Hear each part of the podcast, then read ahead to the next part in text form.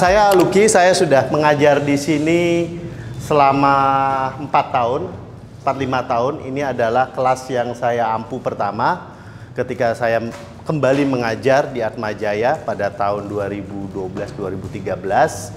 Uh, ini banyak teorinya, ekonomi mikro ini banyak teorinya.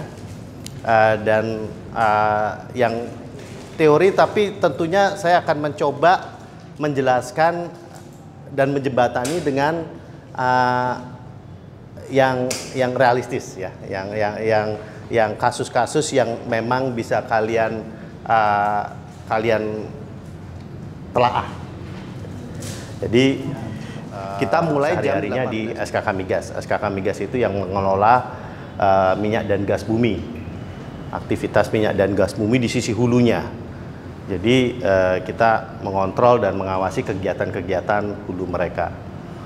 Jadi itu kegiatan Oke, ini ekonomi mikro satu. Ekonomi mikro satu ini sangat penting buat kalian masuk ke ekonomi mikro dua. Ya, banyak sekali teori-teori yang akan kalian pelajari di semester ini uh, yang menjadi modal kalian masuk ke ekonomi mikro dua. Jadi ada baiknya kalian betul-betul fokus betul-betul uh, memperhatikan sumber daya itu apa sih sebetulnya? Sumber daya itu sesuatu, suatu barang atau sesuatu yang yang akan menambahkan nilai akan meningkatkan nilai tambah, meningkatkan nilai, sebuah nilai, ya. Sebuah nilai untuk kita manfaatkan sehingga kegiatan kita akan uh, akan lebih lebih kegiatan-kegiatan kita akan uh, akan bisa dilakukan secara uh, lancar ya. Jadi sebetulnya added value, nilai tambah, added value dari kegiatan kita. Sebetulnya ada empat sumber daya, tapi kita nanti akan fokus tiga, hanya tiga. Ya, ada empat sebetulnya sumber daya itu. Pertama adalah sumber daya lahan, ya, sumber daya lahan. Yang kedua adalah uh, sumber daya manusia, ketiga adalah sumber daya kapital, dan keempat ini yang kita akan tidak bahas di sini adalah sumber daya kewirausahaan. Itulah sumber daya empat itu. Tapi dalam hal ini kita hanya fokus ke tiga sumber daya. Oh, pertama kita lihat dulu sumber daya. Masuk ke sini. Ada yang namanya sumber daya lahan. Oh sorry sorry ke atas dulu. Oh di sini nggak ada ya? Oh di sini nggak ada ya baguslah makanya saya jelaskan ada empat itu ya.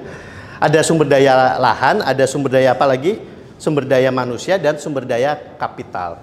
Sumber daya lahan itu tidak semata-mata hal fisik yang ada seperti kalian di di luar sana lahan lahan tidak maksudnya sumber daya lahan itu adalah sumber daya sumber daya alam jadi udara, air, ya itu adalah sumber daya lahan sebetulnya. Yang dimaksud sumber daya lahan itu adalah itu.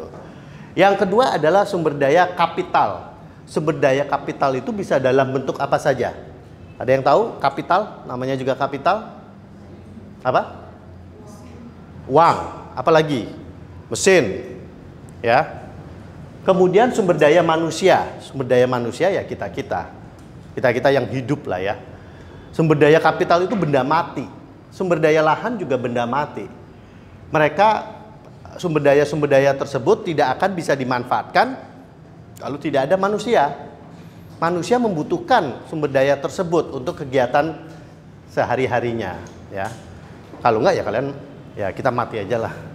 Kan kita ingin apa sih tujuan hidup kita? Nah, itu tujuan. Kenapa kenapa kalian uh, melakukan kegiatan sehari-harinya? Kenapa kalian menggunakan dan memanfaatkan sumber daya-sumber daya tersebut?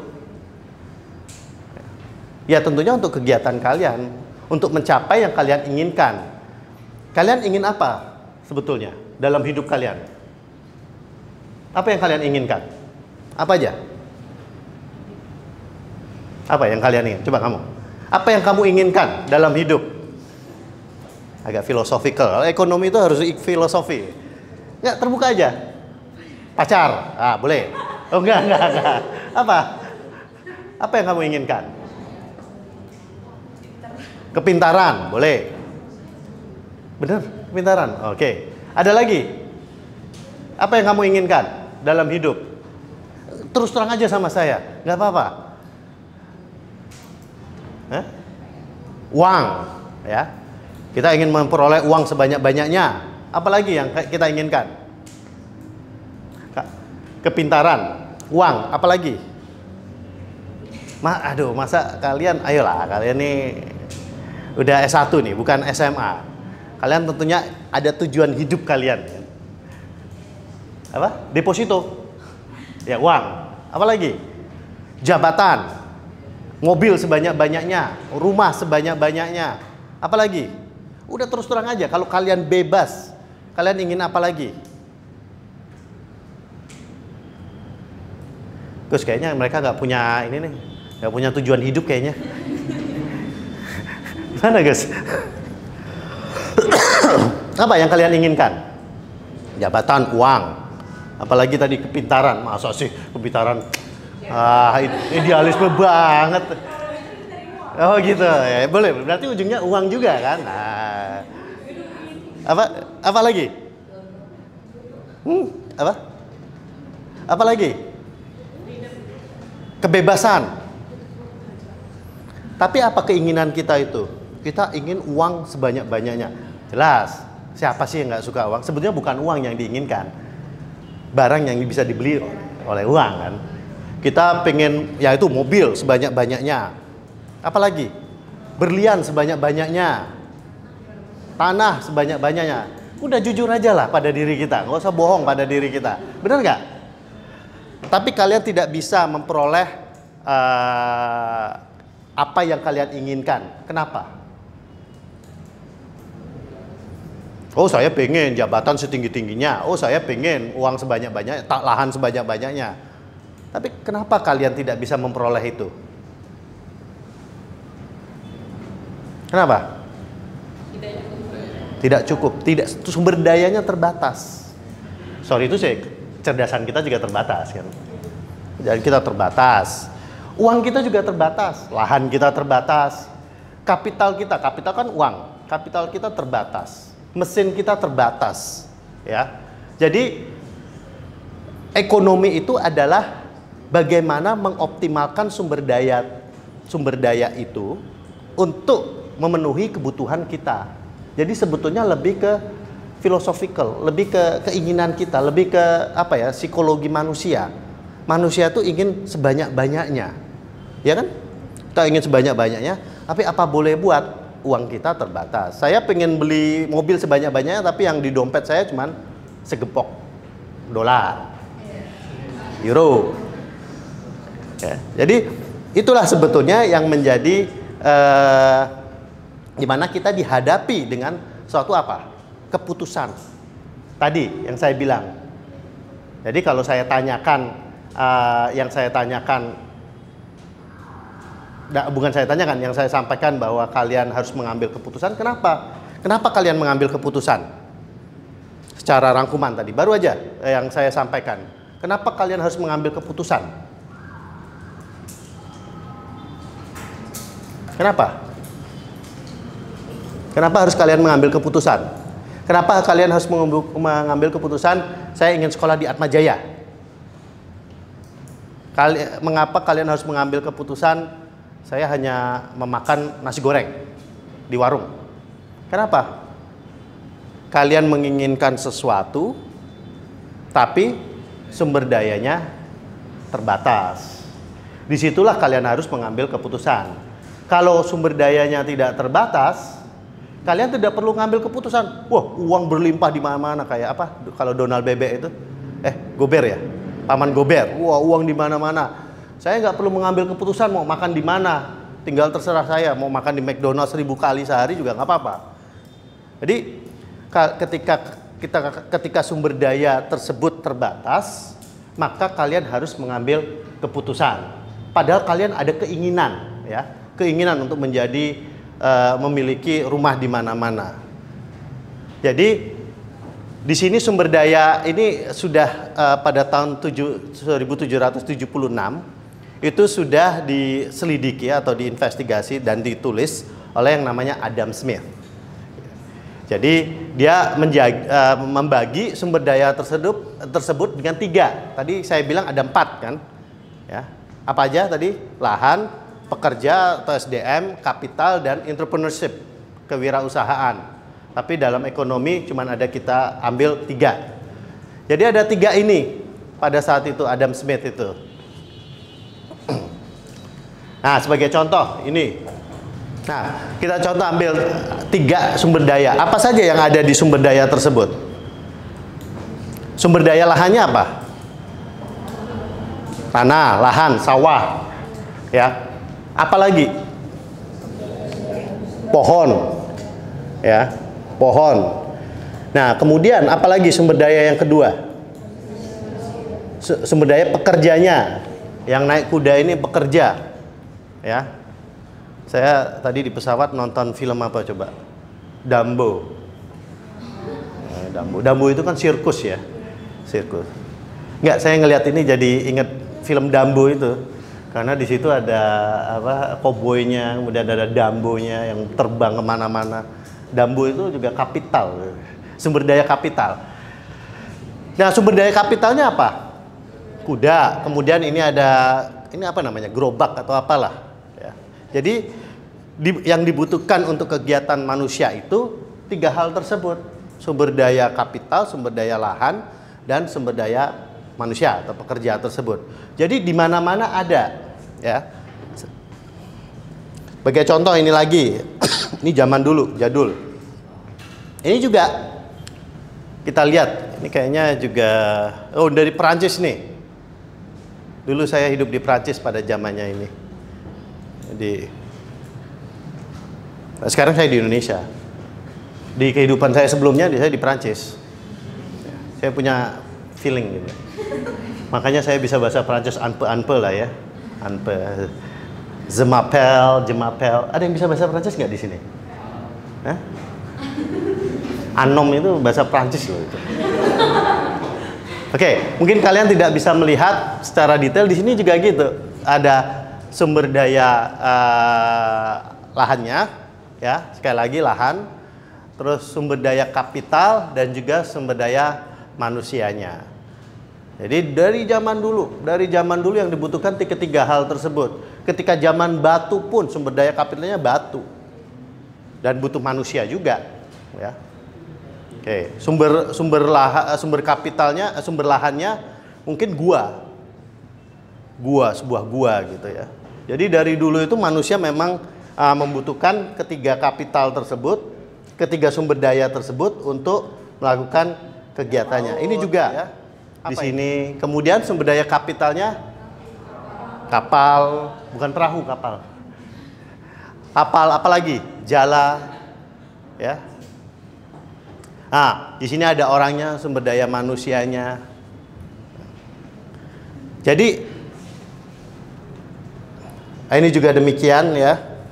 Contoh uh, pekerja di pertambangan. Di sini sumber kapital uh, sumber daya kapitalnya adalah ember. Contohnya ya. Sumber daya kapitalnya juga rokok.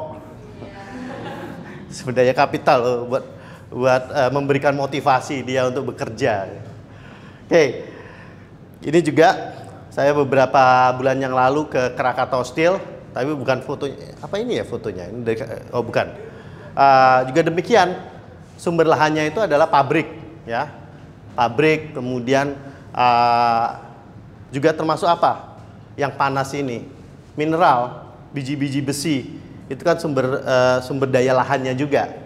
Oke, okay? kemudian sumber kapital, sumber daya manusia, pekerjanya ada mungkin di belakang ini sedang mengontrol uh, kegiatan uh, pemanasan tersebut. Dengan okay. kembali lagi dengan keterbatasan sumber daya yang kita miliki, di mana kita memiliki keinginan yang besar, ujungnya apa? Keputusan, ya. Nanti kalian bisa lihat, harus diingat. Jadi uh, misalkan malam ini, malam ini kalian belajar tentang sumber daya, kalian belajar tentang pengambilan keputusan, uh, mengapa kalian mengambil keputusan. Nah, nanti di situ sebagai fondasi ketika kita nanti belajar tentang uh, konsumen ya, tentang konsumen, kalian juga demikian. Ketika kalian belajar konsumen, apa yang kalian di otak kalian adalah sumber dayanya apa saja, kemudian uh, keinginannya apa saja, ya. Nanti kalau konsumen kalian akan melihat keinginan dari konsumen apa, ya seperti kita kita, sebanyak-banyaknya barang yang kita miliki. Dari di, nanti ada yang namanya uh, fungsi utility, ya. Jadi sebanyak-banyaknya kita ingin sebanyak-banyaknya, tapi apa yang membatasi kita adalah misalkan harga gaji kita dan lain sebagainya. Oke, okay? sebelum nulis nih, nggak enak kalau ngajar itu tanpa menulis kata. Jadi di sini adalah kita harus melihat adalah suatu permasalahannya yang namanya kelangkaan. kelangkaan. Kelangkaan ini tadi apa sumber daya lahan, sumber daya kapital dan sumber daya uh, pekerja. Karena kelakaan ini maka harus diambil sebuah keputusan. Oke. Okay.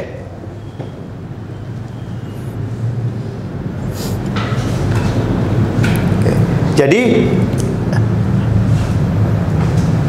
sebelum diambil keputusan, di sini ada namanya choices. Pilihan-pilihan. Jadi dari sumber daya lahan, sumber daya kapital, sumber daya uh, pekerja, tentunya kita memiliki alternatif pilihan-pilihan. Seperti ketika kalian ingin me, uh, mengambil keputusan sekolah mana yang ingin kalian lanjuti apa uh, untuk S1 kalian, kan kalian ada pilihan, choices. Nah, keputusan ini kalau sudah diambil itu adalah namanya economic choices. Pilihan secara ekonomi. Ya, jadi ketika kalian mengambil keputusan, tentunya kalian tidak hanya mengambil keputusan begitu saja. Tapi yang disebut namanya economic choice. Economic choice itu apa? Ya kalian harus mempertimbangkan kalau sekolah ya, mungkin mempertimbang, mempertimbangkan uh, apa tuition kalian atau apa namanya uh, apa tuition itu? Bayar apa apa? Uang sekolah uang sekolah kalian. Uang sekolah kalian. Kalian juga melihat dari sisi jarak dari rumah kalian. Kan economic choice juga. Saya lebih baik di Atma Jaya karena tidak terlalu jauh dari uh, dari economic choice. pilihan ekonomi ya economic choice. Jadi keputusan tersebut diambil dan merupakan economic choice dari kita ya. Kalau seandainya kalian uh, ada yang punya pabrik di sini, keluarganya punya pabrik, punya bengkel. Di sini ngomong-ngomong banyak perempuannya ya daripada lakinya. Jadi uh, kalau kalau punya pabrik kalian kan harus mengambil keputusan berapa jumlah yang akan kalian produksikan atau uh, apa saja yang ingin kalian beli, peralatan apa saja. Itu adalah economic choice, pilihan. Waduh, kita rasanya nggak akan bisa beli mesin yang yang besar-besar karena ternyata profit kita uh, apa uh, keuntungan kita masih kecil ya jadi economic choice itu menjadi sekolah pilihan luar negeri saya lebih memilih sekolah di dalam negeri karena saya akan membebani orang tua saya untuk sekolah di luar negeri. Itu adalah apalagi economic choice, itu adalah keputusan. Keputusan itu adalah